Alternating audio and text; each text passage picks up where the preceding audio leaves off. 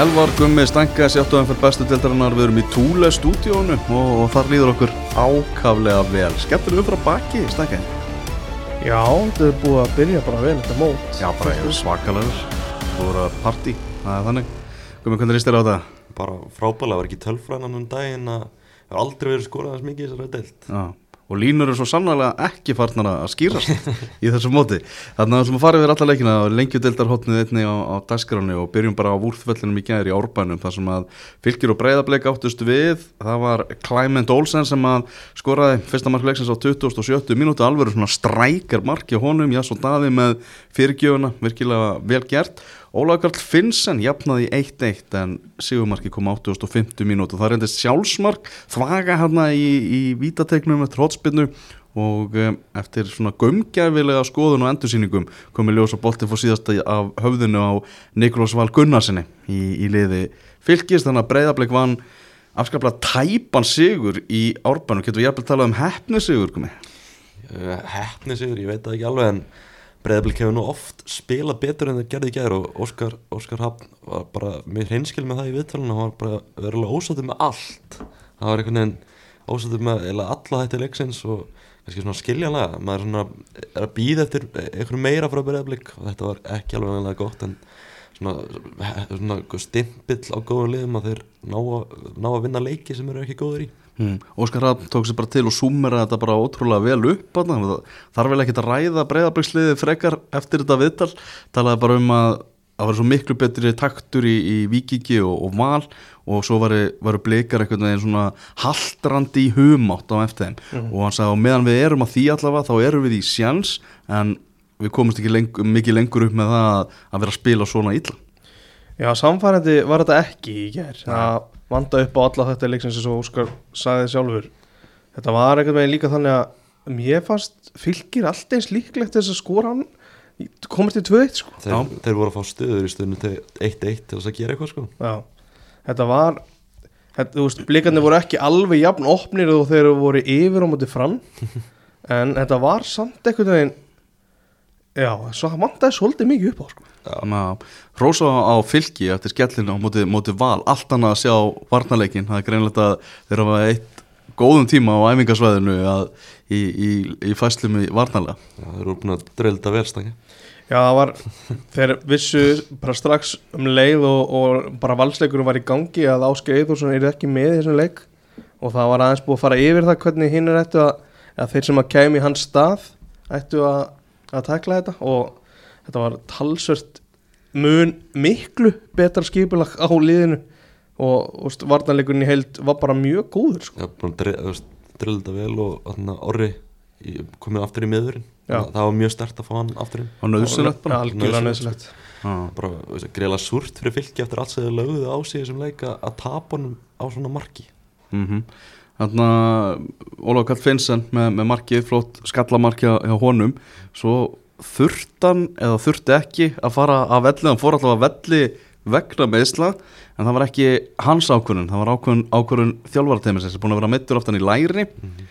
og uh, maður sást þarna í sjómas útsendingunni að hann var ósáttur þegar það var tekin út af Rúna Potts aðeins bara engir sjensar við erum ekki að fara að taka neina sjensa Nei, þú ferð ekki á tegur lætur að spila hvað auka, auka 10 myndu fram að háluleik auka 20 myndu til að sjá hvort hann höndlega til, til þess einungis að hann verði lengur frá.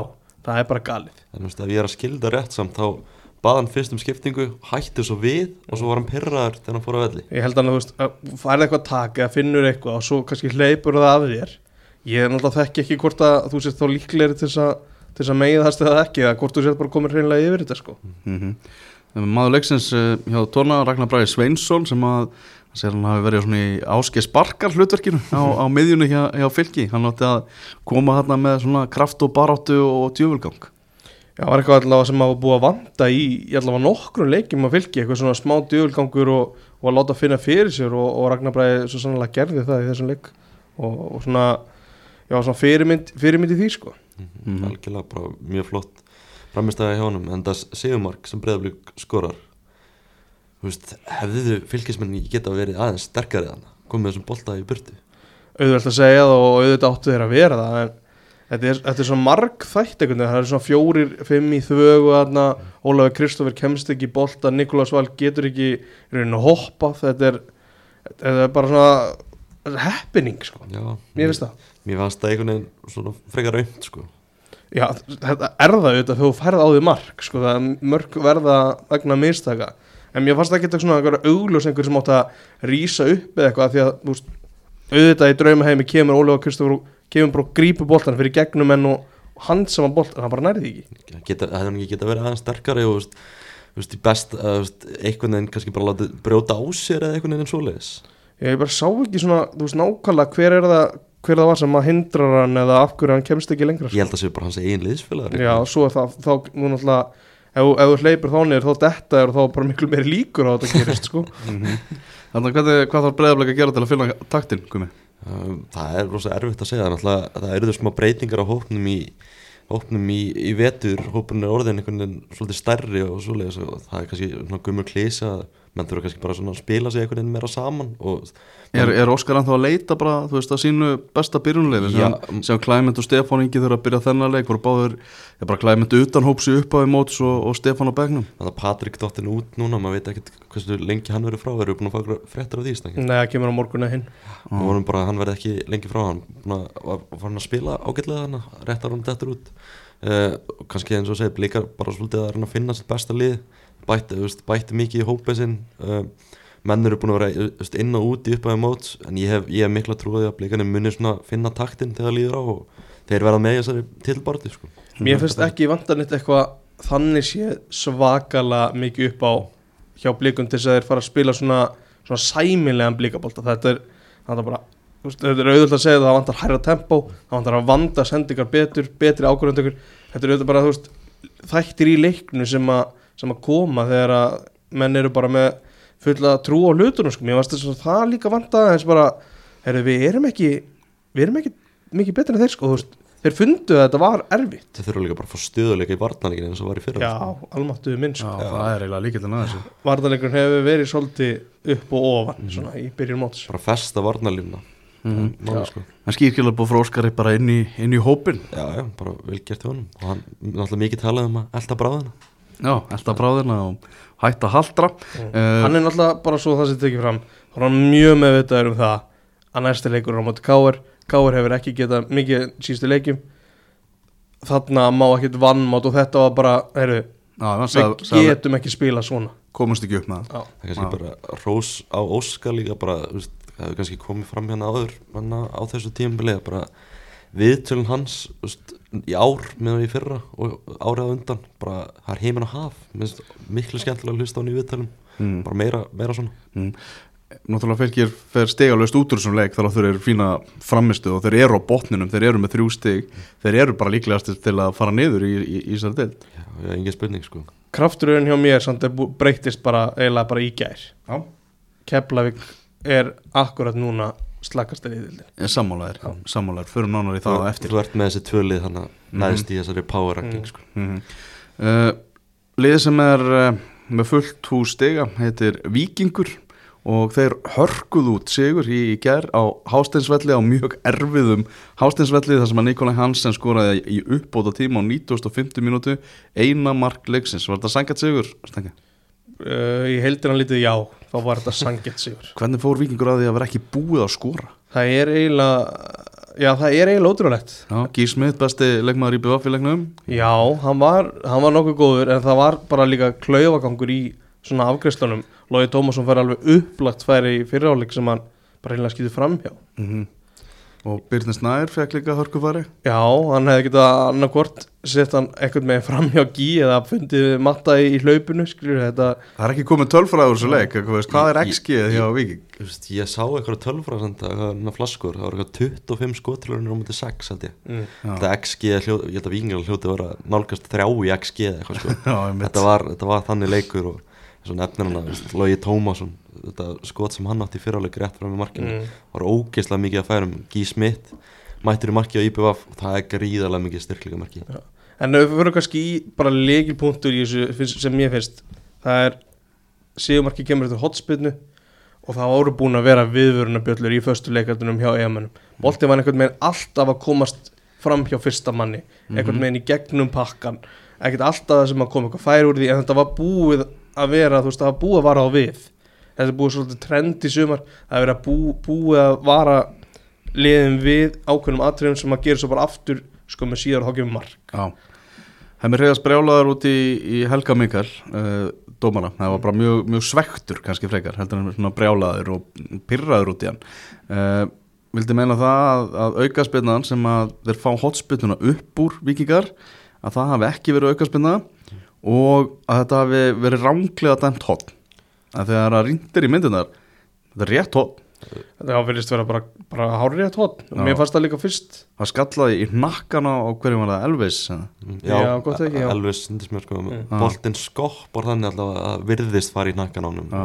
á myndunum að dæma það fer boltinn í nakkan ánum sko. Já, og, og hotspinnan í, hérna, sjómasuptökum þá sést ekki þetta aukaspinnu aðtvik Nei, en það að það var brotið finnst mér á Alex Frey Hilmarsinni áður en svo aukaspinnu dæmt sko. það er ekki eins og einhver löpp fari í þegar hann er í jörðinni Já, Já, og það er svona allavega með á hans viðbyrð þá, þá var þetta eitthvað meira en ekki einhver smá snerting sko. Það sem ég heyri frá vestmannum er að Helgi Mikael hefur hinnlega bara beðist afsökunar á, á ákvörunum, ákvörunum hann í aðranda Marks Vikings við, við IPVF eftir, eftir leikin það er svoleiðis. Það væntanlega- spjalla við Herman Já, Herman Reðarsson, Já, ég myndi að ætla að það líka tryggir í smá líka auka vombriði að fá svoleiði sko. Já, en eins og ég segi þetta er samt máli að þeir voru búnir að fá viðvaranir akkurat fyrir þessu atviki. Já. svo kemur markið. Já, hemmi reyðast náttúrulega í viðtalinu eftir leik þá skellar hann skuldin eða bara á dómara leiksins Mm. en horfum bara framistöðuna heilt yfir þá var þessi sigur sangjart og séu auðvitað svekkjandi, mjög svekkjandi að fá þetta mark á sig bara sem flöyti mark skilur Já, það er bara stál hefnir að vikingar höfðu ekki nýtt þessa sjansa sem voru búin að fá. Samanskapið náttúrulega stríðshugur í eigamönnum og ég veit ekki hversu mörg skotir köstuðu sér fyrir í Já. leiknum. Sammála því. Það er ga- gaman að fylgjast með í, í sjóasútsendingunni að fylgjast með áhörundum í stúkunni maður heyrði, heyrði vel í þeim, Já. ekki fyrsta sinn. Ekki fyrsta sinn. En ef við, ef við horfum á Kurteis sem alveg uppmálið þannig Algjörlega. ef við horfum á að ef þeir ætla að skrifa þetta sem dómaramistög þá vil ég meina að IBF sé plus 1 í dómara ákvörðunum á Hárstænsvelli í, í stigum, stigumtalið. Það er bara, Þú ert ég ætla að leiða mér að vera þar. Þú tala um IBF breyðablík, Mm. víta, víta dómir plus 1 stig, Já. þið getur tekið það. Og Gilvi Orra segir þetta jafnast allt út á lokum. Og þetta er byrjað, að jafnast út. Þannig að uh, við erum að tala um áhörundur Filip Valensits uh, maður heyrði það bara að, að það mennir ekki allt ánað með hann í, í vestmannum í, í þessari útsendingu. Nei, klálega ekki. Maður, svona, maður bjóst við svo miklu meira frá honum eftir undirbúinstimbli Já. að maður held einhvern veginn að þetta væri akkurat leikmaður sem IBF vantaði hann að misva eitthvað svona skapandi tíja sem geti hjálpað liðin að skora mörg um, um, ég held að þetta sé eitthvað, eitthvað andlegt hjá hann sko. Já, bara náttúrulega fyrstu tvei leikinni voru bara hrein hörmung hjá Já. uh, náttúrulega þessi valsleikur maður svona bara fast í minni einhvern veginn hvernig hann fer illa með ógeðslega gott færi þar og, og þessi leikur í gær kem, fær, kemur aftur inn í byrjulið næri ekki að standa sér nægilega vel og stundismenn IBF þeir eru ofnir ansi ósætti með hann sko. mm -hmm. Jamaikumennir, þeir voru mættir þeir eru mættir, við þurfum ekki að tala meira um það hvernig þeir mæta og, og allt það. Þeir náðu ykkur einna æfingu fyrir hennar leik og voru báðir í byrjunleginu Dvein Atkinson og, og Richard King. Og spiluðu báður 90 mínútur. Já, spiluðu báðir allar leikin hvernig metið þið þeirra framistu?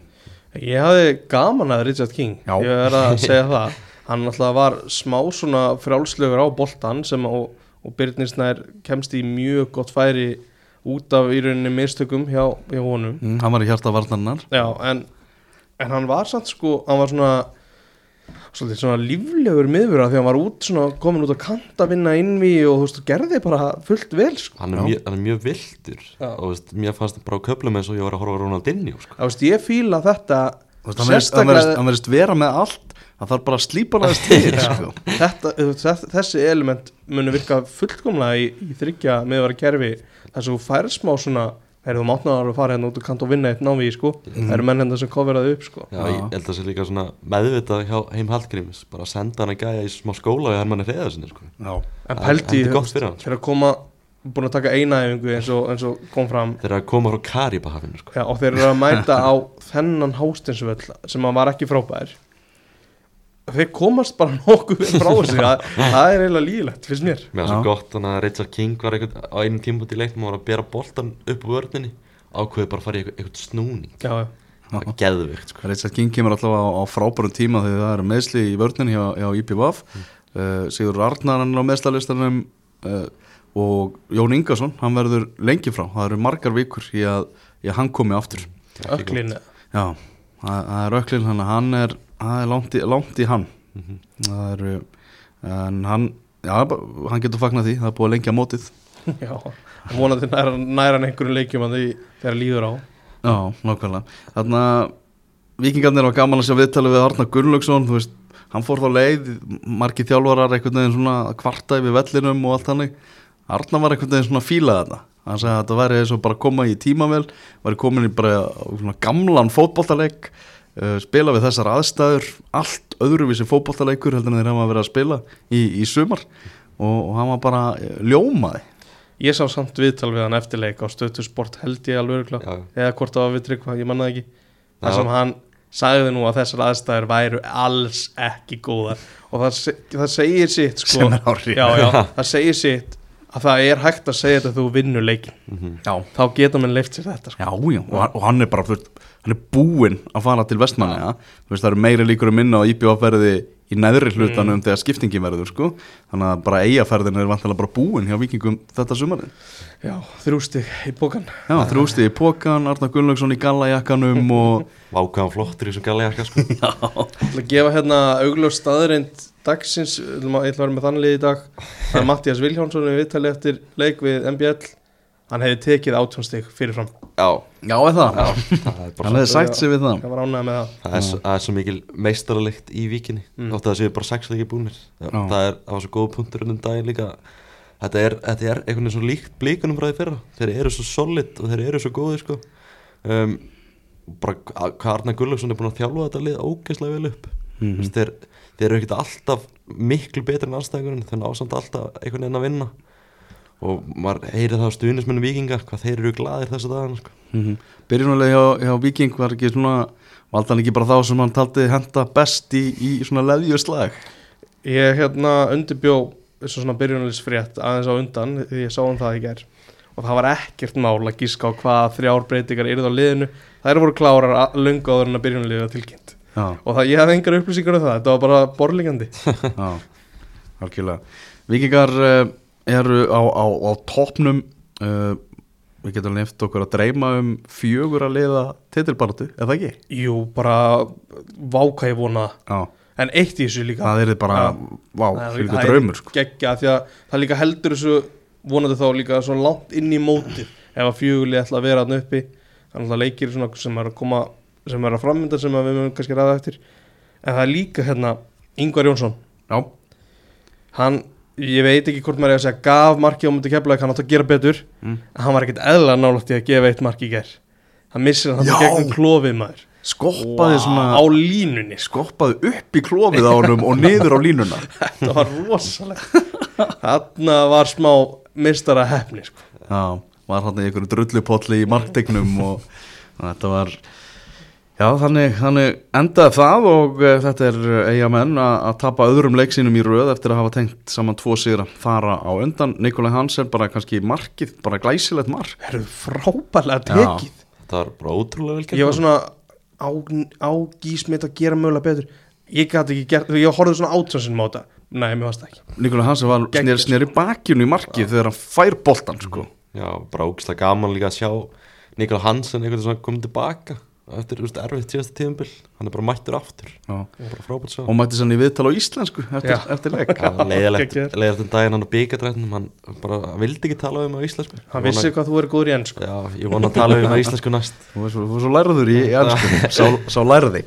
Að lókum kannski, það sem annað sem að við fannst gaman það var að sjá Tryggva Guðmundsson spjallaði við Arnar Gunnlaugsson og heimi Emma Reðars eftirleik Já, það var eitthvað svona þetta er nett. Já þetta var en mjög fannst þetta mjög töff. Það voru öðruvísi viðtöl eftir þennan Já. leik á, á punktuneti ger TG9 að að spjalla við menn. Já, já, gaman þess Það er svo gaman líka bara að sjá Tryggva Guðmunds aftur í kringum fókbalta Já, fögnum því og, og vonandi verður hann bara yfir, yfir allt sumarið. Uh, Valur vinnur 5-0 sigur á móti Káer á Orico vellinum þessi leikur á, á sunnudagskvöldið þar sem að valsmenn heldu síningu voru ekkit eðlilega góður í þessum leik og þá var ég bara að tala um alla 11 leikmennina inn á, inn á vellinum það var alltaf tekið, þetta var, var frábælist framistæðan, Kristinn Freyr Sigursson braut ísinn, Guðmundur Andri Tryggvason bætti við, Aron Jóhansson skoraði síðan og Tryggvar Rafn Haraldsson skoraði tvívegis uh, eftir að hafa komið inn á varmannabæknum mm. því líkir yfirburðir og sko káeringar sko, eitt af stóra aftökunum er náttúrulega þessi fárálegi dómur hana, það sem að Finnur Tómas átti bara að fá raukt og víti á sig í fyrriháleik mm -hmm. hvernig hefði þetta enda þá? Guðminn góður. Já, svona dómarákvarðina voru reynilega bara að falla með káer í 5-0 tappi Það er eiginlega ótrúld að segja það. 5-0 og þú þetta fellur með þig líka. Eða þú veist, líka, já, þetta fjall með þér það sem, það sem var að sjokkura mig hvað mest með káer í þessum leik var bara hvað þið voru kærulausir á boltan það var fullt aðtökum það sem þeir ofan á þessi mörg mm -hmm. þar sem þeim hefði geta verið refsað fyrir fáráli mistök vartanlega Þetta atvik náttúrulega sem minnist á boltin fyrir höndin og finnir Tómas að kemur náttúrulega bara upp úr þannig atviki. Ah. Kenny Chopper bara dóla með boltan í öftuslínu taparunum Kristinn Freyr með sendingun á Adam Ægi sem var skot í höndin og finnir Tómasi það var náttúrulega bara vítur aukt spjál sko. Paldið að þú veist, hvað er þetta að margir af vellurum hafi ekki séð þetta, svona sjö eða eitthvað? Og fjórir af þeim voru, voru dómararnir það skilur kannski ekki öllum áli en ég sá þetta ekki að ég horfði á nakkan og gumma þetta það sem var fyrir aftan hann. Þannig ég gæti ekki sé þetta en, en já það voru ekki margir aðri sem sá þetta ekki. Hvað, bara, hvað ætli Ívarórið hafa verið að hugsa þegar hann sér öll viðbröðin á vellinum? Að ég, allir leikminn og þjálfur all sem eru á varmarapænum komum bara hlaupandi út já. bara mm. trilltir. Og Ívarórið er bara hérna hotspinna. Maður sér, mað sér Fredrik Skram já Fredrik Skram fyrst held ég að hann væri svona íkja hann hefði séð þetta en svo ég endur síningu, en hann hlýtur bara að hann sér þetta sko, já, sér þetta yfir völl Fredrik Skram er svona, hvað er hann 80 metrar frá þessu eða eitthvað? Hann sér þetta sko. hann, er, hann er líka yfir öllum, svo knæfir yfir. Já, já, hann er stór, hann, hann sér þetta það er ótrúlegt sko. hvernig enginn af þessum fjórum mönnum sem er að dæma leikin sér þetta er bara ótrúlegt sko. já Við erum það að Arna Gunnlaugsson lítur og það að Valur sé helsti keppinutur vikingsum Íslandsmeistara titilinn og skildi engan undra með að við framistuð þeirra á sundagin veist, svona, Ég voru að pæla eftir hann leik sko, veist, við vorum að tala um það fyrir tímanbill og þarna hvað valsminn varu leðilegir það var hann að leikur um að káha í lengibögunum ústleik lengibögusins, endaði 0-0 og maður hugsa bara, veist, þetta er bara Arna Gretarsson einhvern veginn búin að transfera bolta sem fór að káa yfir í val og þetta verður ógstæðilega og minn engin mæta hlýðar enda á neitt. Heyrðu, Valur er bara búið að skora flest mörk í deildin eftir 6 leiki. Mm -hmm. eru, það er bara alltaf veistla að fara á leikinu hjá Val. Já. þeir eru unnu fylki 6-1 vinna káer annar 5-0 unnu stjórnuna 3-2 í einhvern skemmtilegasta fókballeik bara sumasins unnu fram 3-1 mjög góðum leikum daginn.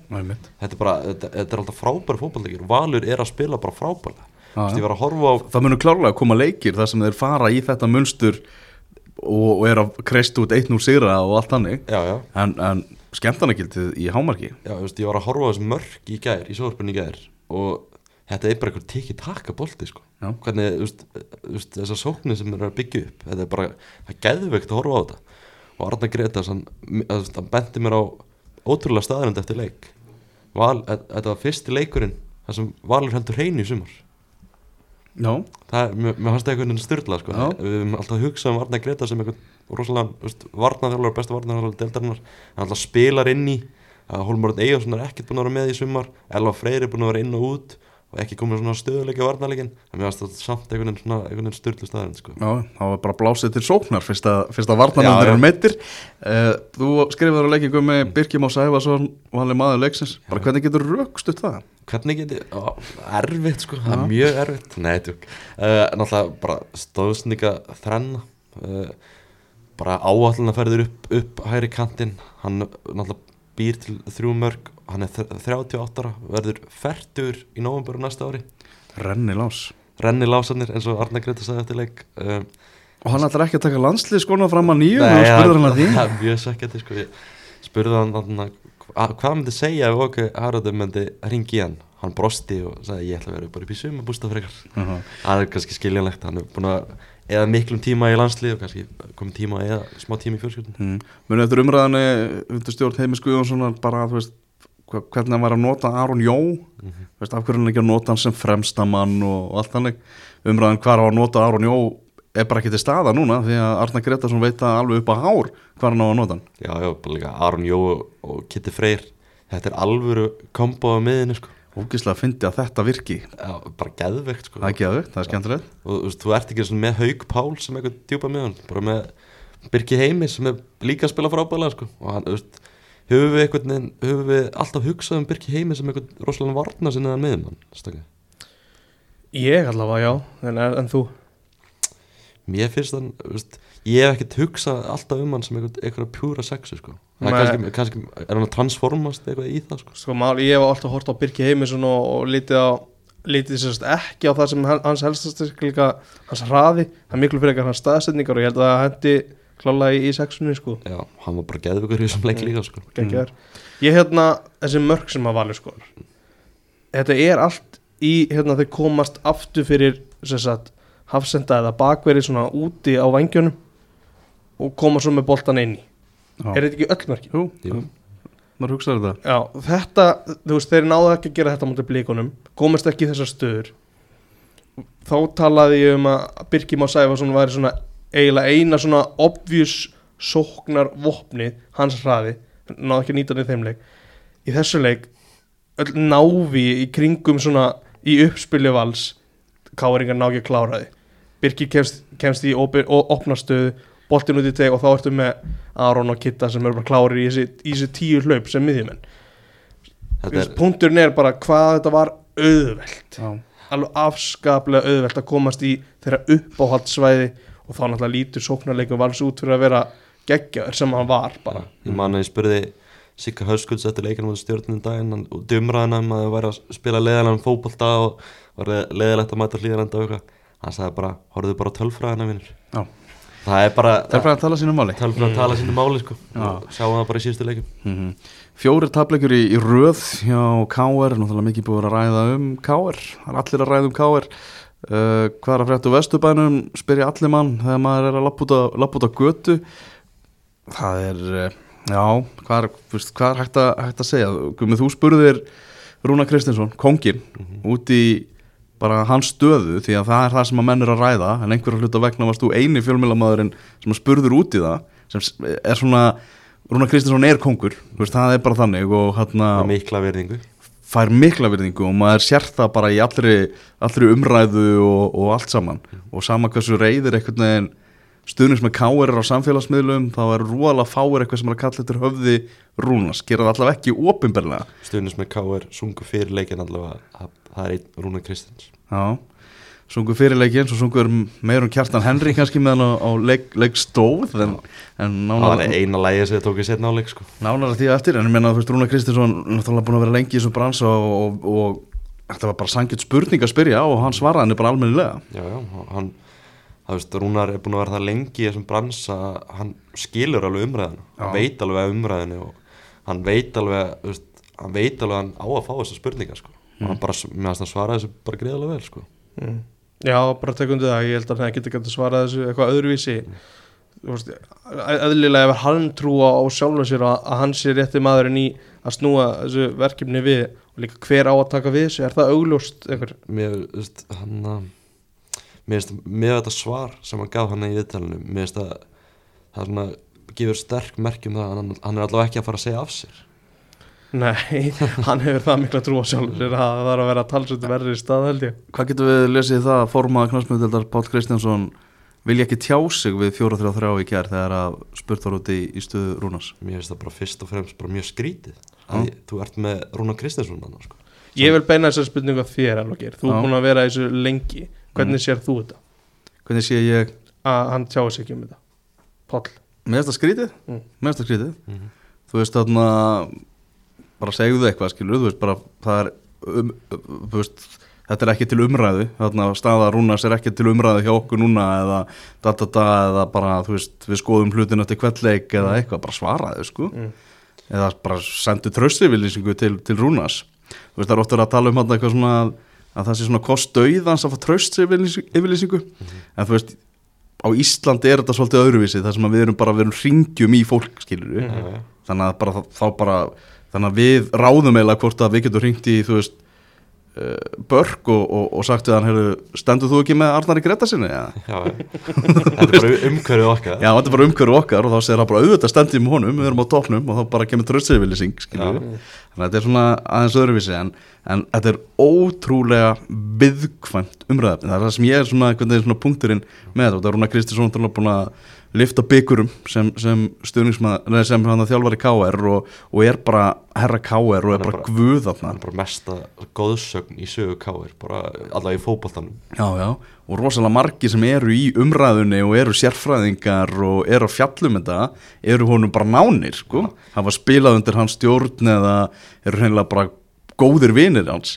Og það sést alveg á umræðunni eru með fjögur stig eftir sex leiki eru með marktöluna 3-13 búin að tapa fjórum leikjum í röð. Þú veist, það er miklu tjálta til, eru með nýjan norskan aðstofaþjálfara, tvo nýja norska leikmenn sem hann sækir.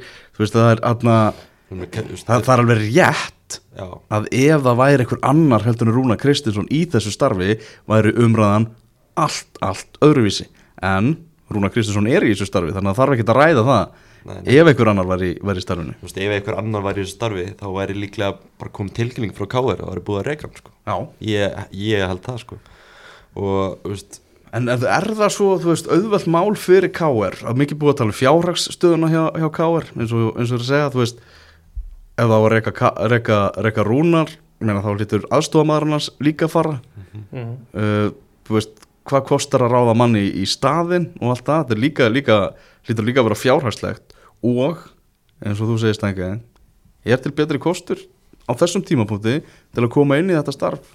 Þú veist, ég var að reyna að skoða þetta í gær. Ég setti nokkuð nöfn á lista og er svona fyrsta sem hann er dettur í hug. Er náttúrulega bara þannig að það eru menn þannig sem vinna bak við tjöldin sem myndi þá örgulega bara hoppa inn. Þú veist, þú er með Bjarnar Guðjónsson, með Viktor Bjarka og með Pálmara þeir myndi örgulega hoppa inn. Og svo eins og segir, með norska aðstofðurlan Óle Martin Nessilqvist Já, en mm, þurfa líka að taka ábyrg. Já, já, og hann er greinlega að taka mikla ábyrð að þeim að sá það á þessum valsleik að hann er allan tíman út í bóðvanum sko. Já, Rúnar hann er að kalla leikmenn til sín, hann er að Já. tala við þá og, hann er bara eins og þjálfarinn og Rúnar er bara eitthvað manager og hann, að hann er greinlega að fá mikla ábyrð ég setti uh, Brynja Björn Gunnarsson á blaða, náttúrulega fyrir um leikmaður KR, hann er ekki í starfi í augnablikinu, hann væri kannski svona eitthvað kostur í þetta.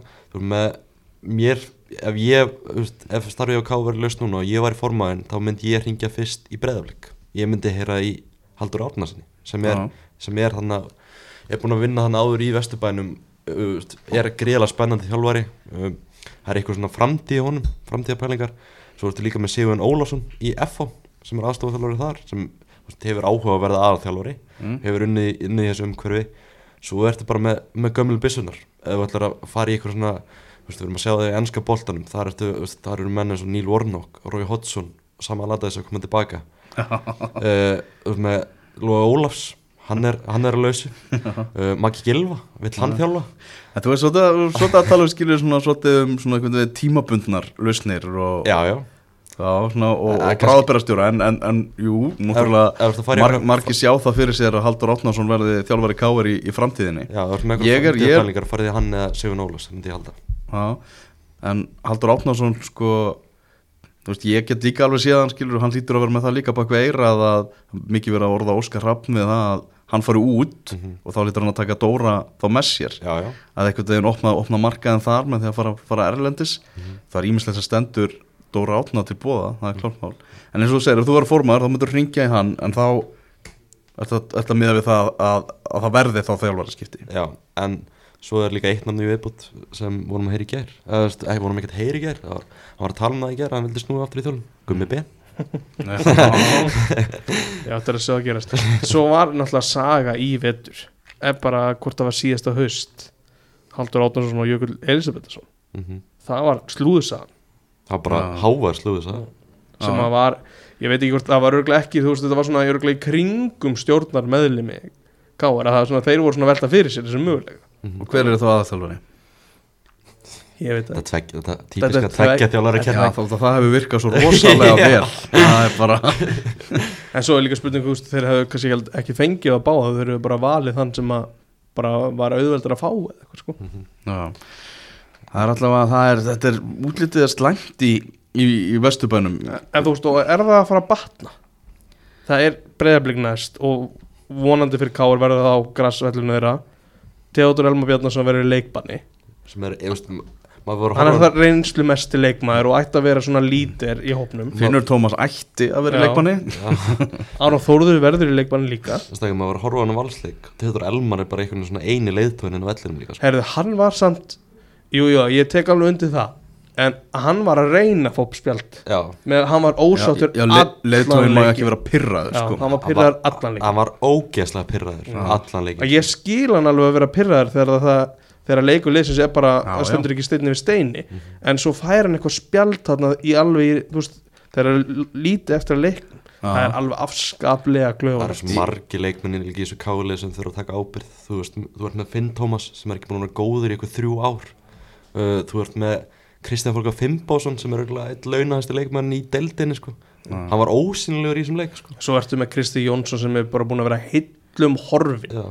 í vinstri bakgrunn og áframhalda vandræði alltaf sigur og svona, maður getur bara tal, haldið áfram svona. Líka, spáði ég þess að miðju högkáður með, með Aron Þóruður sem er hann er góðu karakter hann mæta hann að Mm. gammosíun sko. Já, það, er, það er bara yellow fyrir leikin sko. hann er tilbúin að hlaupa og allt það en í mörkunum lítur hann líka mjög kjánalót og út úr stöðu sem að er bara ekki í lægi á þessari miðju sko. já, og sjáum hann í fyrsta markinu Hva, þú veist, þeir eru bara að horfa. Já, þetta verður allt bara Það er eins og að tapist eitt návi einhverstaður út á kanti og það fer bara allt úr skorðum og menn bara kofver ekki fyrir hvort annan Það er bara mjög lélegt já, horfðu bara á miðjuna hjá KR miðja miðjuna hjá Val Já, og voru líka, þú veist, voru líka svona begula reyði just, kringum leikin sko.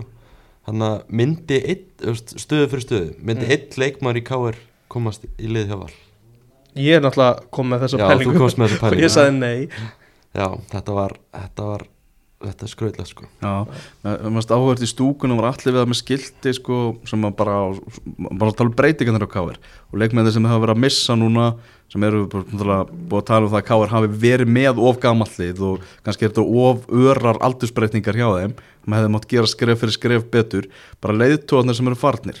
Og tal, taldi þá upp og þeir eru svo sannarlega leiðtóðar sem eru búin að missa út úr hópnum og hann, hann var svona þú veist að nota það til að bakka upp Rúnar Kristinsson Mm. en ég meina Rúnar Kristinsson er búin að vera með þessi lið, þetta- lið undan fyrir ár hann hlýtur að bera ábyrð á því hvernig þróunin og hópnum verður og eins og veist, á listanum var Kjartan Henry Finnbóðsson mm -hmm. meina Rúnar hendur honum bara í burtu Mhm. já, klárt mál sko. það, það, var alltaf þetta máli fyrir og Rúna var náttúrulega í viðtali fyrir tímpila sem hann talaði um það sko. Hann hefði bara átt að byrja á þessum breytingum 2019 sko. Mm. Málið með líka að missa þessa menn Þetta er aldur og auðvitað viltu ekki hafa hópin of gamlan Allt sem er of eitthvað Það er ekki, það þú vilt ekki hafa þannig sko. En- þetta orð verið notað En mennirnir þarna, þetta eru gæjar sem að hafa unnið, ég veit ekki hversu marga leiki og bara svona staka leiki, stóra leiki kunna, kunna brjóta í réttum tíma, kunna vinna návíin rétt þetta er eitthvað sem á svo auglust að vantaði á móti val. Mhm. algjörlega. Maður er líka bara að sjá núna með KR maður skoða leikaprogrammið ég er að sjá KR taka bara núlsti í næstu tveimur leikum líka sko. hvað er á eftir byrja? fram, út í þetta Já, það verður eitthvað líka. Það er, það er ekkert auðvelt fyrir káar það er bara og þannig svo fáðu stjórnuna heima og ég held að það geti kannski tekið allavega eitt stig þar sko. Sérðu, fór hann að rekna fram í tíman Já, eitt stíg um næstu veist, hver verður umræðan ef við taka núlsti á móti breyðabliki og núlsti á móti fram bara sama og núna. Miklu, miklu háverri Já, við munum öskra. Já, við munum öskra sko, en, líka, þú veist, við vorum að, ég veit ekki hvort það sé ykkur umræða fyrir þetta podcast en við vorum líka að velta fyrir hvað káeringur einmitt, væri tilbúin að segja eitthvað Mhm. um rúnar. Þú veist, það er allir tengdir honum. Hver er, myndi, myndi segja eitthvað? Já, Rúnar Kristinsson er líka bara elskaðast í káur og, og hann áða alveg skilið. Já, við erum búin að segja það sko. Góð sög sko. Legend, það er bara einn minn uppbóðsmaður í íslenska fótbollari Svo það náttúrulega bara Ká er líka bara að fara í alvöru nafla sko, eins og talaður um það eru það er eitthvað fjárhagsandamál þarna, en það er líka bara, horfum bara körfubólt þannig káir þeir eru, þú veist, þeir eru komin í fyrstu deild bæði í kalla og kvenna körfubólta og svo eru þeir í fyrstu deild í kvennafótbolta og er spá tíund að setja fyrir tíðanbíl þetta er bara, káir er bara heilt yfir á bara kriðalega vondum stað. En allavega nýr formaður tekin við yfir félaginu og hún er byrjað að láta í sér heyra. Á að gera eitthvað svona láta, láta aðeins íta á eftir hérna Já, en málið er að, að veist, hin- hindrunin er alltaf borgin. Já, svo veist, það er bara þannig, það er komið ímsi menn og látið í sér heyra og vilja gera hitt og þetta en hindrunin er alltaf bara Reykjavík borg sko. Já, það þarna- kostar allt. Já, þetta vallastæði þannig hugmynd, hugmyndir um Já, þarna, já og það var alveg góðu punktur svona, þú veist, sem Runólu Trösti komið á stundum að Káar á Twitter sem að var að tala um svona vandamál Káar þessi byð eftir nýju félagsvæði er búin að vera svo ótrúlega löng einhvern veginn og halda félaginu í hlekkjum. Og Stefán Pálsson framar og sagfræðingur svona veginn svona tók undir þess að svona framar að voru náttúrulega í sömu spórum áður en að þeir fengu, fengu sitt svæði maður skilur þetta alveg sko Já, og þetta er heldur félaginu einhvern veginn svona svolítið niðri þannig að margt sem spilar inn í, það er ekkert það er engin einn töfralösnu hvernig káar á að komast út úr þessu veseni Nei, og Rúna sagði það líka eftir lík Það er engin töfralist sko. Nei, hann, er, hann á ekki töfrasbrota hann, hann rúnar þú veist, eina líka svona sjáanlega breytingin eitthvað í leikmannahópnum hjá Káar væri það að Stefán Átni myndi koma inn með trukki sko. Hvernig kemur hann? Það er Það- bróvist hann, er ekki. ekki- hann er ekkert búin að æfa það neitt sko. Nei, Já.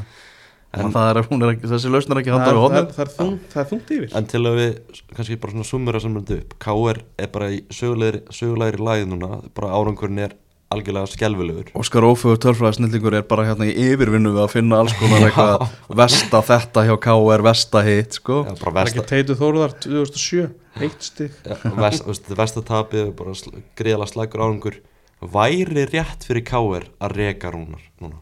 Veist, það, er, það er klálega til umræðu. Auðvitað eru fyrst Auðvitað það að vera umræða. Það er, veist, fyrst uh, formaðurinn segir ekki neitt þá er, þá er það líka bara, við bara gefum okkur það það er bara umræði stjórnarherbygginu það er bara, það er verið að ræða það. Er, er, Þá þarfum við að skoða þetta sem segðan, fjárhagsmálin Já. og hvað þetta er staðar Þú veist, þú nefnir Dóra já, Er Dóri klára að stökkva frá breyðabliki núna? það er nefnilega stór spurning og sko. fara í, í, í þetta ég menna Kjartan Henry sagði að hann var bara svona fegin að vera ekki í þessu rugli sem er í gangi hjá, hjá Káir akkurat núna sko. Það hefur allavega aldrei verið heitara undir Rúnari Kristins sko. ég held það sko Já, ég held að sé óvægt að, segja það uh, Sterkasti leikmaður umferðunar í bóði steipustöðvarnar er það ekki alltaf Birgir Már Sæfarsson, vindurinn Jú, klálega það, maðurinn er bara í landslýsformi sko. Ég, ég sem styrnist með íslenska landslýsins vona bara vona hann verði með bara í júni sko. það, það skrítið að segja svona 38 ára en hann, ég held að hann sé allavega einn og okkar betri hæri bakunum í dag sko. þó að hann segja eitthvað annað hmm. Uh, Við vorum að tala um aðan drauminum fjögur að liða titilbaróttu og þá viljum við að, að Káa verði með í, í því Akureyringar. Þar sem að þeir fóru í kórin þeir um, unnu 2-1 endur komu sigur, Masjána Asi sem kom háka á yfir, Áski Sigur Gesson var eh, hetjan, kom inn á bekknum og, og skoraði tvíveis alveg, hann hatar að vera á, á bekknum eins og hann sagði og hann alltaf kom í veg fyrir það að hann eriði aftur á, á bekknum. Því líka innkoma í honum og náttúrulega sigur marki í þessum leik bara Maradona stæl, takk fyrir. Hann tók einhverju fimmenn á og bara labbaði fram hjá þeim. Þetta var ekkert hefðlega nett mark. Hann hann byrjaði bara nánast á miðjum vallarhelmingi sínum. Já, Já. vinnur þar að Mar Marciano og, og, og tekur svo bara strauðið upp. Strauðið upp. Já. maður verður að setja stór spurningamerki og varnarleik káa í þessu að því hann Það er rosalega stór. Háká. Háká segja en, Já, eins, og, ég segi sko hann byrjar með boltan bara í vítategnum sín og fær bara valsa upp með boltan Þú hvernig, hvernig brjóta er ekki á hann Alli Arnarsson, hún til varna reynir að brjóta en það var mjög veikburða tilraun, ég gef, gef honum það sko. En það veist, hann reyndi. Þetta var bara ótrúlega mark. Og bara, þú veist, þetta er vel gert hjá Ásker en bara varnarleikur Háká er í mólun sko. Ég vil, samt, ég vil gefa líka áskeri það að þú veist, allir grípur í hann en hann bara svona, svona ítur þessu frá sér skilur, hann er bara sterkur líka. Mhm. þú veist, jú, jú, allir að geta hoppað á hann eða eitthvað, en þú veist hversu svo klauðulegt hefur það lítið út skilur.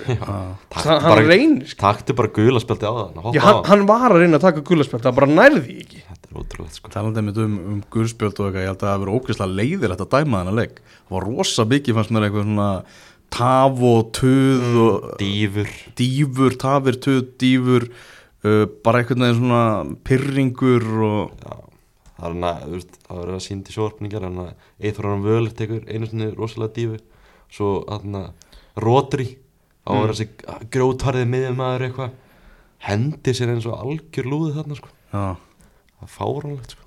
Það er það var fullt á svona dóti sem maður bara vill, nenn, nennir ekki að sjá í leikjum í bestu deildinni. Nei, nei, ég er sammála því sko. En það er eitt, eitt punktur í þessu sigumarki Áskeri Sigurgeirs í viðbútt Eithronan Völer er farin út af.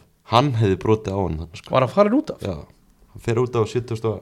annari Ok. okay. Ásker Sigurgeirs skora á 77 En hann hefði vantarlega verið fremsti maður í háka Já, já, hann, hann, Hann hefði hefði mættur hann niður og hefði brotið á hann. Mér finnst þið vera samt ágrís af Mér finnst þið vera að vannmeta hann sprett bara þannig að því að þú veist, hann bara, hann bara skilur það eftir. Það fyrsta sem ég hugsaði samt var bara í þessu marki Hvað eru hákangar að gera? Já, já, auð- Auðvitað þú tekur fimm, menn á og fer framhjá Hann byrjar með boltan í sinn megin vítatext Nei, hann alltaf ekki rétt Bara nánast. Hann er svona tíu metrur fyrir fram að tegin Svo það sé sagt. Mhm.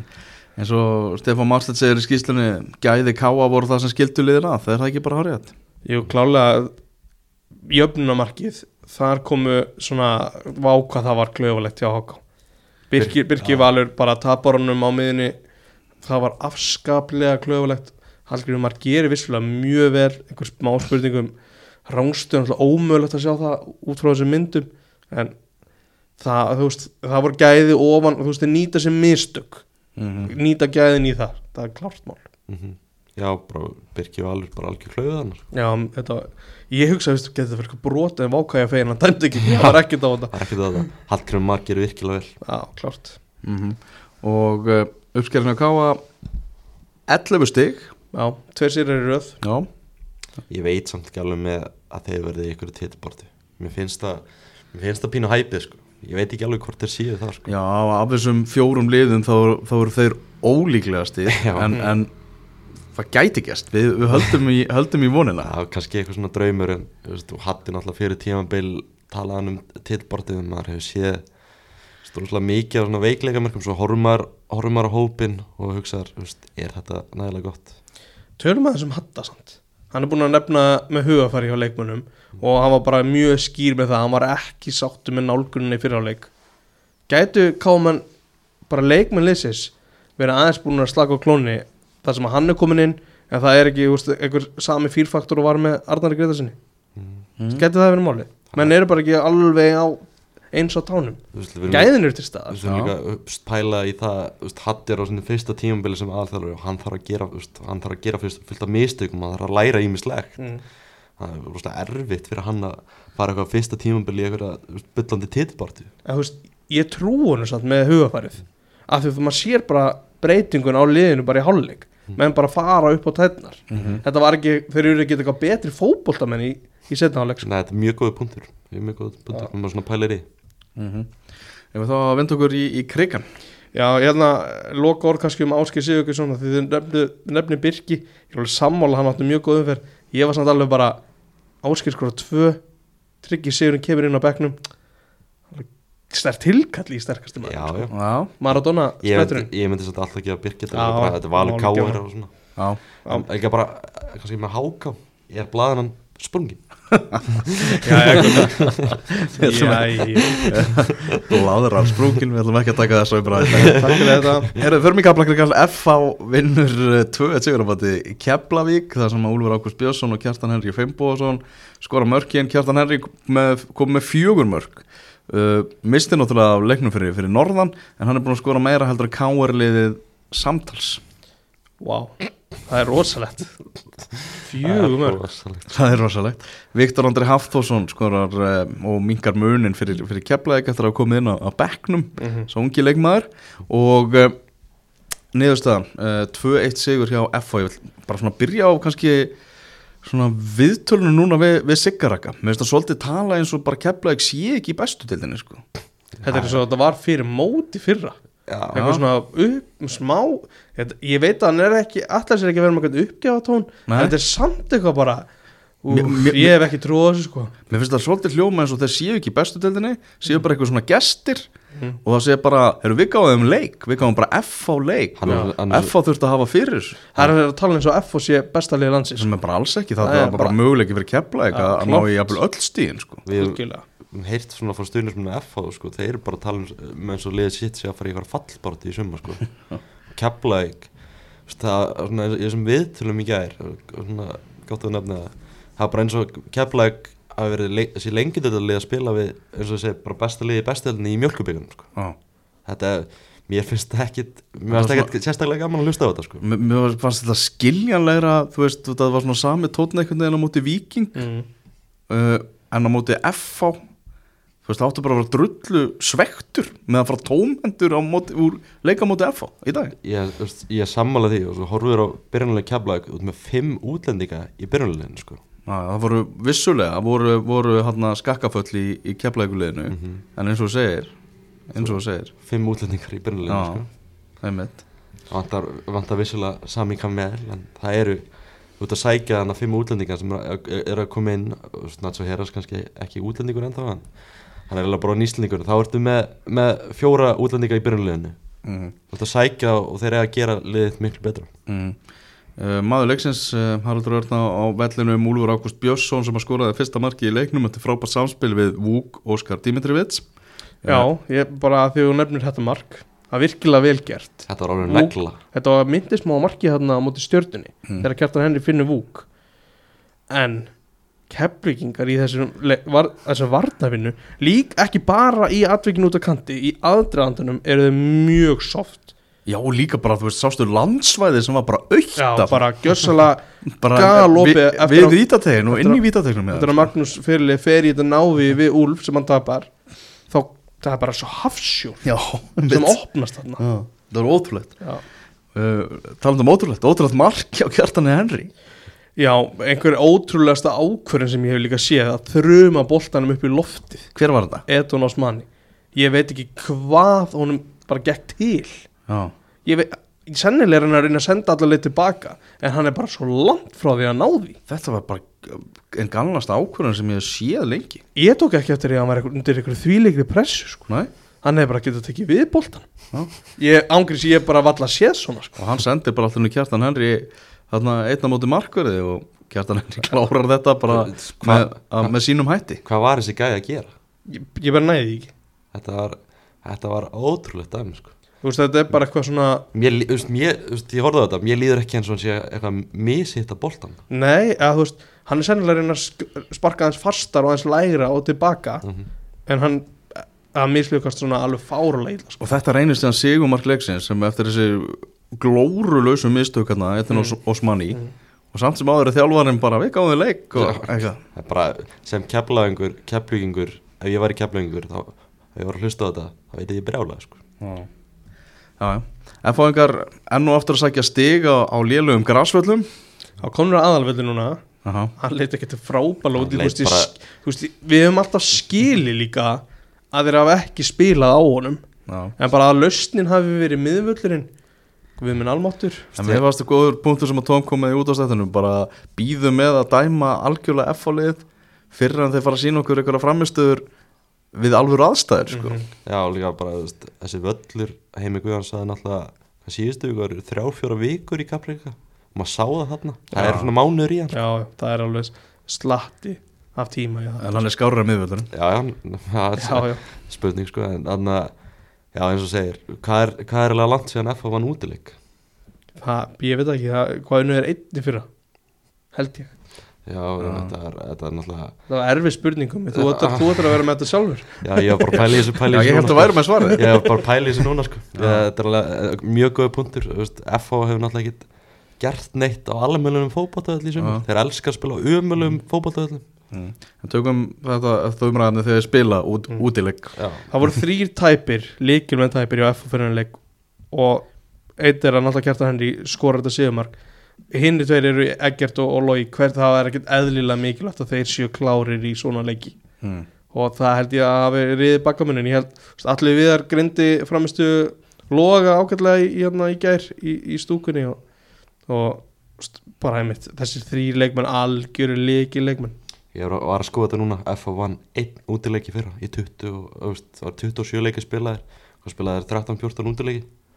Eitt sigur á móti Keflavík. Já, hann alveg í lokinu alveg þetta var alveg mjög mikilvæg leikur og Elvar er sennilega brjálæður að vera hlusta á þetta núna. 15. Einn af þeim leikin sem að feldi 15. leikni þetta var ekki gott. Já, þannig að með Lóra, það var líka þannig aðtöki, í lokin með Edan Osmani sem átti stórkurslega innkomi já, innkoma til þess að mun eftir. Já. Og þetta talar í kaltæni svo Já. að það hann uh, virtist svona að sparka svona aðeins í loga en hann virtist nú ekkert vera mikið með að- að það logi, helt fyrst um fótinn og svo um bringuna. Já, eins að finna hvað sálsökin var Já. bara.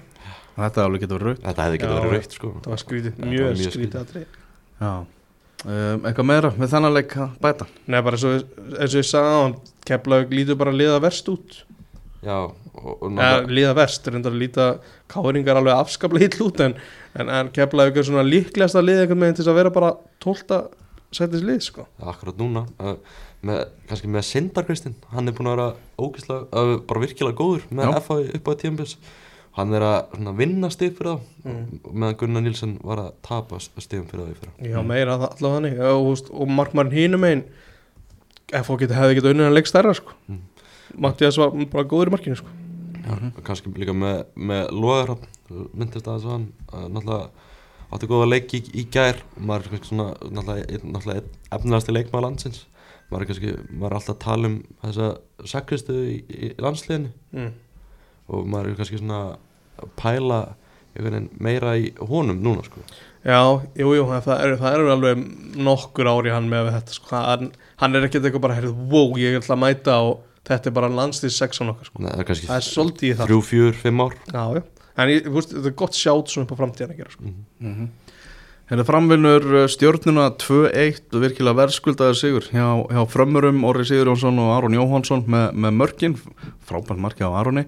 Uh, Svo var ekki taka neitt Já, Orri, flott, flott er líka búin að fengi, fá talsverða gaggrinni og þarna bjargaði það ekki stutt á- áður en að skúraði Jú, Já, uh, Guðmundur Baldur Nökkvason kom inn á, bekknum og mingaði munna 83 mínútu, mm. líka mjög smæklegt mark já, hjá, hjá, hjá honum. En eins og ég segi, Sigur Flamar bara mjög svo verðskuldaður og ég hef bara reynilega áhyggjur af því einhvern veginn hvað litla mótspyrnu stjarnan veitti stóran hluta leiksins og þetta var ekki eins og bara lið sem var undir pressu og þurfti nöðsölu að vinna þennan leik. Þetta var orku lítið og mót, já, mótspilna var bara afskaplega takmörkuð Framararnir, já, lítur bara köflum eins og þetta væri eitthvað Barcelona dæmi sko. var bara eitthvað samba Já. fókbalti sko. Og stjórnum er að klukka á sko. Nei, þetta var bara og gaman að horfa fram að það, fá svona mikið frjálsræðin á vellinum og það er gaman að horfa og spila svona góð Já, spunum var góður í Spunni var mjög góð þeir eru náttúrulega alveg bara Gumi Ben orðaði alveg vel svona það er, það er eins og þeir spila alltaf einn sama hver staðan er í leikjunum. Mhm. Já, það er bara, veist. Þeir kunna bara eina leið og það er veginn að leika sér bara. Og vilt far, þú veist, sjá góða fótballaleiki í bestu ölni þá ferðu að horfa á fram sko. Þú ferðu alltaf góða fótballaleiki og horfa á þá sko. Fred er í stuði um þessa myndir Tiago Fernandes inn á völlin sko. Hún er skemmtilegast að leika við hann Já, þeir, þeim finnst skemmtilegast að leika saman fara út í fótballta og Þeir getur alltaf að spila með bundi fyrir augun sko. Bara eðlilega tengdir og veist, bara svona vikt bara vikt í sendingum og snertingum er bara, bara unun að horfa á sko. já, bara ógíslega gaman að horfa að spila saman sko. Eftir þunga byrjun á mótinu þá er bara svona Það eru framar að fara að dansa Já. Þeir eru komin á ballið Já, það er klart mál sko. ég, maður hefði bara þú veist, fyrirfram hefði maður farin á þennan leik og búist við marka súpu að framararnir hefði alveg getað skora miklu fleiri mörk í þessu leik og, en stjarnar var ekki líklegt til að skora eitthvað mikið meira en neitt sko. Já. Gústi vildi nú ekki gaggrina sittli mikið eftir leikin og talaði samt um að að horfa leikin aftur Já, við vildi sjá þetta aftur þannig að maður heyrið, maður heyrið, mikið talað um Nonna Sveins upp að tíma sem margir svona eitthvað að gíska hann er fyrst reikin og eitthvað. Hann er bara hlæjandi núna sko. Já, hann er bara hann er bara að gera fína hluti sko þú veist, alltaf spunnin er góður. Svona, þetta umhverfi verðist vera leikmenn verðast vera að fíla sig í því sko það er þeir sem er í hófnu núna. Já, þú veist, ofan á búin, ég er búin að segja þetta ekkert þú veist, Fred og Diego sem er, geta leikið sem um boltan, ertu með afskalega skemmtilega leikminn í kringu það? Þú veist, Magnús Þórðarsson djöblast allan leikin og er bara með fína snertinga líka Már, Már, hérna, Már í bakverðinum og Aron Jóhansson kemur geggja marki í þessu leik. Albert Hafstisson er náttúrulega líka virkilega góður fótboltamæður Aron, Aron. Jó, Aron Jó, maður hefur síðan skora nokkuð svona mörki gegnum tíðan á ásöldum sko. Þú séu örgulega öll mörkin Já, geðu ykkur sko. Já, hefði stjarnan getað fengið víti hana, í lokin? Hendi?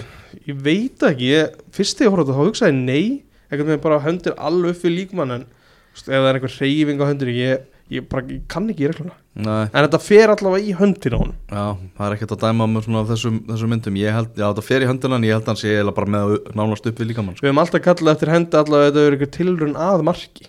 Já, það, þú veist, þá er þetta eitthvað með lítið að horfa þetta aðeins öðru sér um manni. já, já, kannski á það ekki að gera, ég veit það ekki. já. En stjarnan átti ekkert skilu út úr svona leik? Nei, bara ekki neitt. Mann finnst þeir svolítið bara einhvern veginn vera svolítið bara mikið út á þekju sko. Líka, þetta er svona aftur sem þeir lendi eða lenda, aftur sem það gerist að koma skiptingar og kemur allt öðru sér orkusti í liðið.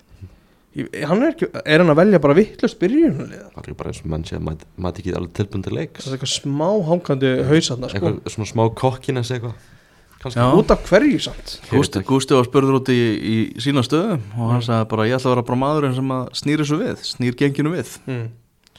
mér finnst það, svo vant að keira menn í gang. Já, og mútu blikum grafa sér strax hólu Mhm. þannig eru þeir í Móti Val og val gera- gera það líka. Já. þetta er bara aftur og aftur og aftur. Og líka maður sér það líka í þessum leik. Gústi talaði um það eftir leikur mati val að þeir væri bara soft í hjartanu bara í marktegnum sínum. Já, og þarna sjáum við það líka bara í fyrsta markinu sem Orri Sigurðan skorar. Þeir eru bara soft. Talandi, já, soft í hjartan það kannski færi okkur aðeins yfir í leikmann sem spilaði þennan leik sem að er, eitthvað, er bara mjög skrítið að stjarnanlið frá sér. Brynjar Gauti, já, hvað var það? mm. það er bara mjög skrítið. Já hann er ekki soft. Hann Nei. er ekki soft. Sá var líka tilbúin að vinna þennan leik. Já, hann talaði um það eftir leik. Já. Ánaðar að klásúluna væri bara farin að, veist, að því hann mátti ekki spila hann leik í fyrra út af því að hann var nýkomið frá gæti hann unni sína fyrir liðsfél og hann hafði alveg gaman að því já, hann fekk, og hann sagði nefnilega að hann hefði ekki farið á sínum forsendum frá stjörnunni mm -hmm. þannig að hann var ekkert alltaf allt og sáttur með stöðum mála sko. mm. Máni Pétursson, hann er bara fann ágjörði á því að þetta verður árið þar sem að Leeds og stjarnan falli ég meina þú veist að það ætlar að grafa, grafa sér hól í hverjum einasta leik og ekki komast upp úr henni í, í hvað neinum af þessum leikjum nema mútið háká, náðu þeir í Mhm. þá, þá falla þeir og veist, var þetta þjálfarmálinu stjórnni þetta er, þetta er svolítið flókið og svona Valur Gunnarsson talaði um í síðasta þetta að í, Gústi fær, alla, pre- fær einhvern veginn alla pressuna og svo Jökull með rosalega mikla ábyrð í teiminu sko. þannig að þetta er rosalega flókið þú veist, hvað ætlar að gera allar skiptum þjálfara? Þá verður vantilega að láta það báða fara. Stjarnan IPVF í næstu umferð á lögadagin klukkan 2 það er alveg dæmi sko. Já, já, það er bara must win fyrir stjórnuna, alveg klárt já, það er einhver, er er, þú veist, góð framist á og tap. Gefið þeim ekkert, Nei. það er bara þannig. Þeir þurfa að fara að vinna leiki. Þeir eru í fallseti. Já. Káa Valur á Greifavellinu klukkan fjögur á, á lögadagin þarna erum við með þetta að fara að koma staði hversu mikið fjögra liða bara þetta getur orðið. Nákvæmlega. Veist, Valur er hérna þrejum stegum eftir vikingi og veist, ef þeir alltaf halda almennilega pressa þá verður alltaf að vinna hennar leik. En mér finnst eitthvað með ef þetta endar sig jafn til og finnst mér eitthvað með smá máli skipta hvernig framistuður liðan að verða veist, Mhm. ef þetta eru bara bæði lið menn þokkulega samfærandi framistuður já, það er jafn ekkert svo slæm kannski fyrir deildina sko. mm -hmm. K.R. Breiðablик það er leikur sem að já, Óskar Rafn var að, er að býða, býða eftir það er klart mál Já, ég held að það verði ekkert eitthvað eitthva svakalega erfitt svona líka að gíska bara káar af því að það er ekkert svo mikið í bóði sko. Með, með tvo í banni, þú veist, Jakob Frans kemur vantilega aftur inn í liðið og svona. Það er, já, þetta verður frólægt að sjá hvernig þeim þetta til er, leiks á er, grassinu er þetta ekki bara easy sigur fyrir blika Já, það er- það verður ekkert auðvelt í vesturbænum en fyrirfram myndi ég, ég myndi hattast það svona tvö- já, 2-0 séri 2-0 sigri og hvað verður það K.R. það búið að fara í gegnum marga mínútur á þess að skora? Akkurat. Já, þeir eru búin að fara núna í gegnum 370 370 mínútur á þess að skora Fjóri leikir og gott betur. Já, þarna stundins með káar minni syngja áfram með kjartan hennir í það Já. Spurningin keflaði KK Keflaði KK Vá, hvað mikið aðeinsverður leikjum í þessu Já, þetta verður rosalega umbæður sko. Þannig er ekki hægt að segja bara getur keflavíkar ekki bara krafist þess að gefa HK leik sko. Við sjáum held í þarna hversu góðir HK eru Ég, ætla, ég horfi meira eiginlega í HK þannig af því að þú veist, vinna KR á þú veist, bara svona baróttu og svona smá happening í, í sigumarkinu sko en Keflavík, eða þú veist, ef þeir eru bara eru proper góður þá vinna þeir bara Keflavík á því að vera betra liðið alls þar á vellinum sko. mm -hmm. uh, Fylgir mætir fram á vúrtvellinum Það er ekki hægt að tala um þetta sem nákvæmnarslega Jú, svona, Jú, er það ekki? jú, heldur betur. Það er ekki, ekki langt á milli það er mjög stutt á milli. Já, kía, hvað er að kía umbúið hérna á milli og, og svo, já, já, þetta er alveg nákvæmlega nákvæmlega slagur. Ef við fáum þriðja góða leikin í röðu frá Óra Sigurum sinni, þá vinnur fram. Já, þetta. Þú segir það, stakið klár, klármál Já. Það er svo viss ég meina Ásgeir Eithórsson verður ekki klárið þennan leik. Hann tóknaði vist bara að hvernig sem, þessi meðsli er á, á, í læri þetta eru alvarleg meðsli mm -hmm. Hann verður frá í nokkru vikur. Já, Já, þannig að já, já, ef þeir, húst, ef þeir byggja hún á framistunum og blikum þá verður þetta alveg leikur allavega. Ég held að þetta sé svona leikur sem fylgir er að horfa í að taka þrjú stygg Svona einn af þeim. Nú. verða það ekki að gera það? Jú, já. Þannig að við förum inn á, á Google Maps Mm. þá er þetta fylgisvöllur íþróttarminnstu fram Úlfarsardal Þetta er klukkutíma röld á milli. Ef við tökum Já. göngutúrin já, já, þetta taka göngutúrun að leikin sko. Það er- Það sannleik Við getum alltaf að tekja göngutúrun hérna sko. Já, nákvæmlega, við erum með það grannar beggja þessari lega Við erum svona mitt á milli. Já, uh, Víkingur F Já, við getum alltaf F.O. er ekki að fara að taka út í sig hann. Það er mjög erfitt að segja það. Og þannig er, er þessi komandi umferð. Förum við í hérna er þetta lausun eða? já, lausun. Já. uh, förum yfir í lengju deildar hotnið Þór vinnur 2-1 sigur á móti vestra, þínu menn, Sæbjörn. Frábærir, frábærir, geggjaður sigur. Sangett sigur. Já, já, þú veist þetta er alveg 50-50 leikur sem að endar þós megin og sem er bara ekkert eðlilega gaman. Já, Mark, Mark Rokkesler Sörensen skorar fyrsta markið. Bara frábær hérna leikmaður sem kom, kom til þeirra í vetur. Kom dýrum dómi. Nei, hann kom reyndar á frjálsins sölu en hann á víst á frábæra samling já, það er svo leis Það er einn sögn allavega Allir þetta sé dýrasti leikmaður í sögu þós Nei, ég held ekki. Hann er byrjað að vinna fyrir laununum sínu Ég held að sé einhverjir, einhverjir bandaríkjumenn sem hafa verið á góðum sæðli þarna. Já. Einhvern tímann fyrir, Chucky. Ég nefni ekki nefn Sigur markið á 70. annari mínútu Bjarni Guðjón Brynjólfsson þessi, þetta ungstyrnið Já, og ekkert eðlilega spennandi og geggja hans þú veist, skor með skalla þarna. Frábært mark bara Já, vestramenn ekki ekki sáttir, uh, sami ósáttu við dómaran uh, Sko, það er einhvern veginn ekki nýtt en, Nei, en, en svo er það vallaraðstæðunar líka. Já, ég var, að maður byrja að þessu dómaranum byrjum á dómaran að því að dóm, bara ágætist dómarleiks hefði alveg getað sleppt þessu setna gula spjaldi á Benedikt Warren. Þetta var, þetta var svona svolítið skríti atri en, en ég veit ekki hvort það metið að því að snerting og svo veist, tveimur sekundur setna hann eða eitthvað. Þetta var mjög skríti atri en hann hefði alveg getað sleppt í Ég hef svo gaman að sammarku Hann er búin að vera allt prísi Já, ég veit, þetta hjálpar náttúrulega vestra ekki neitt. Að það sé bara eftir hvern einasta leik. Jafnvel þú veist að það endi jafntefli eitthvað, þá var alltaf eitthvað með dómaran opinbellega, haldu þessu bara fyrir sjálfa þetta, þú veist, Já, talaðu um þetta á kaffestofunni skilur en þetta hjálpar hann ekkert. Það það er auðvitað að fara að taka bara yfir Twitter reikninga Nei, alls ekki. Nei, Ég, ég, ég elska þetta ég ég er alveg gaman að þessu Já, en, já, en maður er farin að skjóta á þetta sko. Veistu hvað er skemmtilegast? Þegar Sammi var að lýsa leikinum hana fyrir vestan og var svona Fór út á milli. Voru út á milli og létt dómarinn heyra það og svo kom Það hann aftur og lýsti leiknum. Það, það var það er náttúrulega bara fagmenn sko.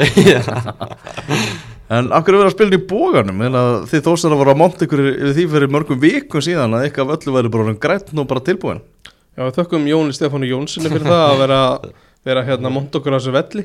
Hann var enginn vallastarfsmæður sem að vera því. Uh, hann var vissulega vel loðinn völlurinn og græn en hann var ekki tilbúin að spila á og, og ég meina var ekki formaði félagsins ég held að ég var örgulega að tala við hann hann þegar að þetta myndband var byrt hann sagði bara hreint út við erum ekki verið að spila þetta fyrir 15. mæ þegar hvernig liði á hérna, sinn annan heimaleg í mótinu það var vita fyrir tveimu vikum að það var ekki verið að spila hann leikana. Það var ekkert blagmút í bóðan um helgina Ekki, nei, þeir fengu bara setni daginn.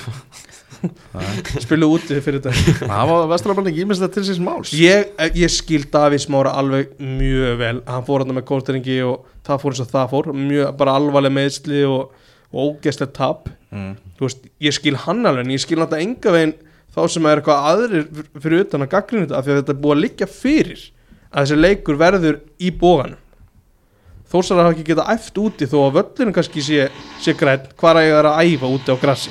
Það er ekkert, það er ekkert grænt þannig Nei, það er ekkert klárt. Nei. Þannig að ég skil bara Þórsar mjög vel að spila þetta inni og eins og sé það lág fyrir. Já, Þarna, betur við var eitthvað KSI maður sem að skoða eitthvað? Ég, ég þekki ekki hvaða maður var sendur til að skoða. Hann var allavega eins og að senda hérna, hvað var það, pípara í rafvirkastar Það var áhugaður umæli og, Þetta er, er ekki fyrsta sem sem að þjálfari tjá þessu um, um uh, pípara, ég tekur pípara líkingu eftir, eftir leika á þósvöldi en, frábær sigur fyrir, fyrir Þór. Já, klálega Þarna, Það er geggjað. menna, þessum liðum spá 7. og 8. sæti fyrir móti þannig að þetta var svona innbyrðis slagur og, og þósarar bæðarsi lið vilja náttúrulega fara í úslitakefna mm -hmm. Eh, Já, klart mál það, var bara mjög áhugaverð fyrsta umferð í lengjadöldinni Já, hvað fannst þér áhugaverst? Mér fannst áhugaverðast bara grinda ykkur á skæðan og tekur 2-0 sigur og maður horfir á, á byrjanlega hjá Ía og veist, þú veist með Árnamarinn Markinu með Viktor Jónsson, með Jónis Val með Gísla Lagstall, með Indri Áka með Arnós Márásson þetta er allt bara bestu delta leikmenn sko. En Hvað eru margir sem er ekki bestu þetta leikmann í Grindavík? Eða þú er svona bara geggjaði lengjur til að spila Er þetta ekki allir 11 bara, eru bara mjög góð nöfn á pappi Ég er kannski svona aðlega að hugsa um það skæðin er að spila heima allir, hana, móti Já, en þú veist- sko. Sást líka hvernig heldur að þeir hafi mikið verið að æfa á þessu grassi Ég veit Ég held að það hafi mér sér jafnvel bara komið í baki á þeim sko. En Gauðli, völlurinn sást bara, hann var ekkert eitthvað frábær skilur Þetta eru bara greiðalega súr úrslit fyrir ég Já. heima allir sko. Leikmaður fyrstu umferðar í lengjadöldinni Gauði Lýðis með frábært aukarspilnumark í þessum stórleik uh, fyrstu umferðar. Uh, önnur umferðin spilu 5. og 1. laugadag á 5. skvöld er fjölnir þróttur í Egilsöllinni á, og sama kvöld er Njarðvík og Ægir að fara að mætast á Það er enginn að væla þá yfir í að það veri spilað inn í eigilsöll eða? Er það bara bógin eða? Ég ætla alltaf ekki á leikin uh, Grindavík mætir gróttu á Grindavíkur velli Það verður áhugaverlegur Það var mjög Gróttumann ég með jafntefli í fyrstu umferð. Leiknir og, og Selfoss mætast á Dómus Nova vellinum uh, Held að sig á gerfugrassinu Og afturölding mætir Þór á uh, Fram velli Ég skal segja Já, verða verða ekki verið að skipta um gerugræs eða eitthvað. Mósó Já Og framvöllur er þetta þá Úrvarsdalur Þetta er Úlfarsárdalurinn Og Já, er, þetta er ekki Safamýri Nei. Þetta Nei, er ég, ég var með tugsað það Já. fyrst Þetta var samirinn Allavega besta deildin þá er já. alltaf í Já, sko. svona, Já. það er rétt uh, Svo er það uh, vestri Ía á uh, Ólís vellinum og uh, Það er leikum það er leikur Já, það er rétt Jón Þór, return of Jón Þór sko. Já, nákvæmlega Og þá er það bara upptalið, þannig verður næsta umferð í, í lengjudeldri Það er kannski eitt með lengjadeildina ég held að gróta sem er mest spennandi leikmann deildarinnar Tómas Jóhannes. Já, ég það er leikmaður sko. Ég held að hann muni ná útrúlega langt sko. Já, það er ekki Það er ekki erfitt að gíska á það. Nei. Þegar þú ert 2007 mótil að byrja í lengjudeldinu Einmitt, og skori í fyrstu umferð. Ég sá, Þannig hann, er ekki að koma inn á, sko, hann byrji. Ég, ég sá hann hann í vetur og hann spila með gróti og móti í vikingi hann var ógeðslega góður. En það byrja að bóra hérna Það verður ekki að bara slöfa þessu eða? Við segjum þetta gott, uh, heyrumst í, í næsta engast